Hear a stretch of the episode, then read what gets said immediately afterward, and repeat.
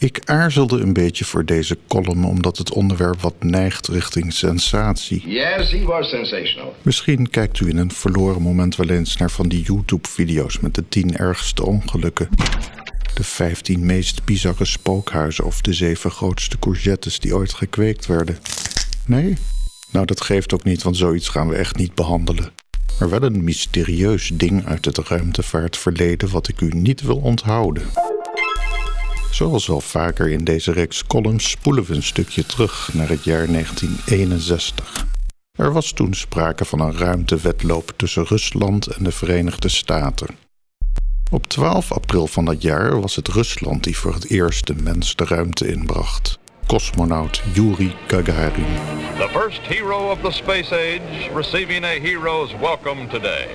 Yuri Gagarin, the first man ever to circle the Earth in orbit, reports to his chief, Nikita S. Khrushchev, Prime Minister of the Soviet Union. Nog geen maand later probeerde de VS de schade in te halen door ook een mens de ruimte in te lanceren. Heden ten dagen kunnen we allemaal meegenieten als er weer eens een Starship van SpaceX ontploft. Maar in de jaren 60 van de vorige eeuw werd voorzichtiger omgesprongen met informatie. No man can tell what tomorrow may bring. Dit was natuurlijk ook uit angst voor gezichtsverlies of om de andere naties geen inzage te geven in de ontwikkelingen. Zowel Rusland als Amerika maakten zich schuldig aan dit soort geheimzinnigheid. In 1963 werd de eerste vrouwelijke cosmonaut Valentina Tereshkova gelanceerd. U kunt aan de naam wel horen dat dit wederom een primeur voor Rusland was. Er gaat echter een hardnekkig gerucht rond dat dit niet de eerste vrouw in de ruimte was. What? Dit gerucht kreeg de naam de Lost Cosmonaut. Al vanaf de lancering van de eerste satelliet, de Sputnik 1, luisterden radioamateurs graag mee met de ruimtemissies van de verschillende raketlancerende mogendheden. Sputnik 1 zond met een 1 watt zender uit op twee frequenties, 20.005 en 40.002 MHz. Hier waren alleen maar die piepjes te horen, maar als u zelf radio-enthousiasteling bent, zult u begrijpen hoe gaaf het is dat zelf te kunnen ontvangen. Twee Italiaanse broers pakten het groots aan. Achille en Giovanni Giudica Cordiglia. Zij luisterden naar Sputnik 1, Sputnik 2, de Amerikaanse Explorer-satelliet en alles wat er maar gelanceerd werd en waarvan de radiofrequenties konden worden achterhaald. Hier is bijvoorbeeld hun opname van een transmissie van Sputnik 2, waar de hond Laika in een baan rond de aarde werd gebracht.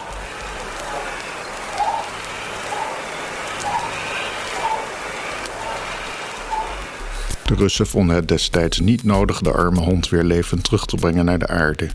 Iets wat in 2021 waarschijnlijk tot rellen en protesten zou leiden, denk ik.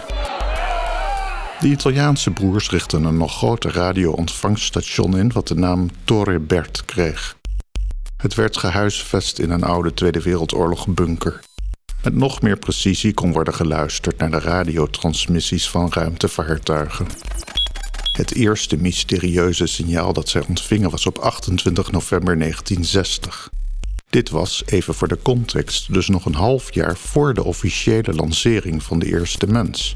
Niettemin kunt u wel nagaan dat zowel Rusland als de VS bezig waren met het plannen van een bemande missie. Wat de broers Giudica Cordiglia ontvingen was het internationale SOS-Morse-signaal. Het werd zwakker en zwakker, wat zou kunnen betekenen dat het werd uitgezonden door een ruimteschip dat steeds verder van de aarde verwijderd raakte. Maar dat is natuurlijk geen sinds bewezen en ook hoogst onwaarschijnlijk. Maar toch vreemd. In februari 1961 ontvingen zij het volgende signaal. Het klinkt een beetje als een hartslag en wat geheig.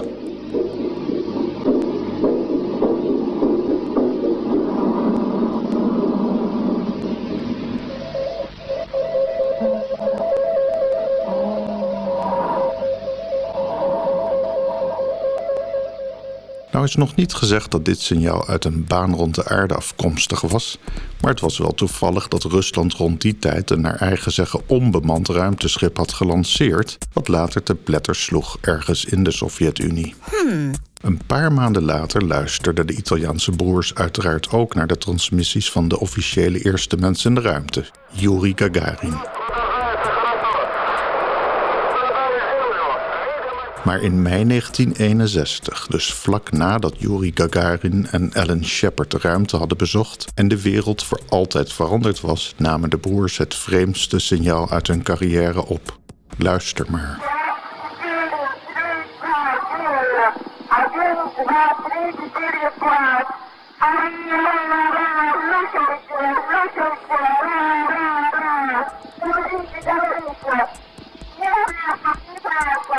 Oké, het is in het Russisch. Een enkeling van u verstond misschien flarden van dit fragment, maar ik denk dat de meeste van u, net als ondergetekende, er geen bal van verstaan.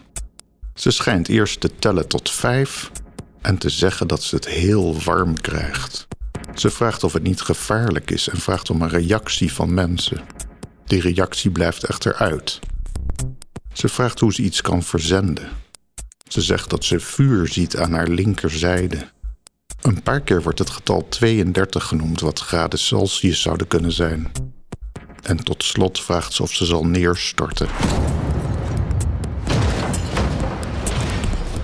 Een paar dingen kunnen we zeggen met enige zekerheid.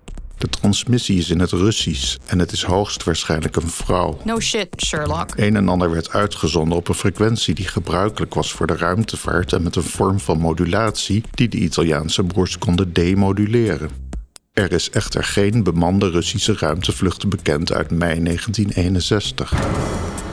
Officieel was German Stepanovich Titov de tweede cosmonaut die op 6 augustus 1961 pas werd gelanceerd. Hij was de vierde mens in de ruimte, na respectievelijk Yuri Gagarin, Alan Shepard en Gus Grissom eerder dat jaar. Maar van wie was dan deze Russische vrouwelijke stem?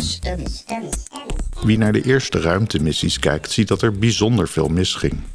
We weten allemaal wel dat Apollo 1 in brand vloog, maar minder bekend zijn bijvoorbeeld de volgende missers van de Sovjet-Unie. 12 oktober 1958, ontploffing van een Russische raket bij lancering.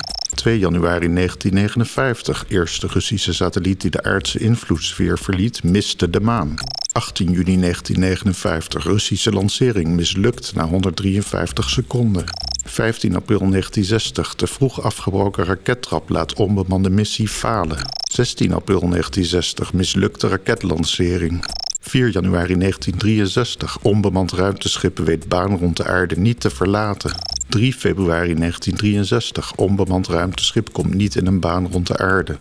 En dit gaat nog een lange tijd zo door.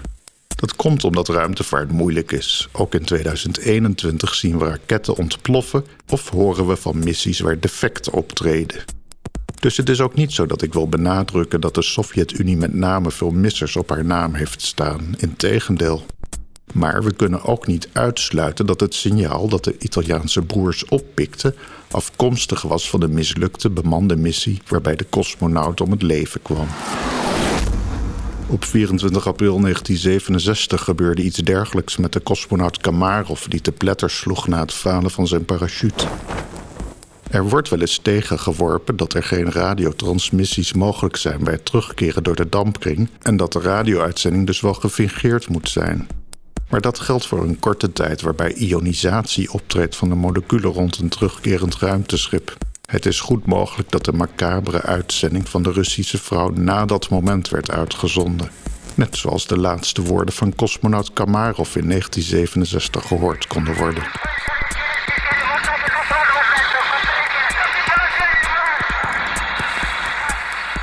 Ik denk zelf dat de Sovjet-Unie na het overdonderende succes van de eerste mensen in de ruimte geen misser met een dode op een naam wilde hebben en er het zwijgen toe deden. Silence! Maar tot iemand naar voren komt met het echte verhaal, blijft het natuurlijk gissen.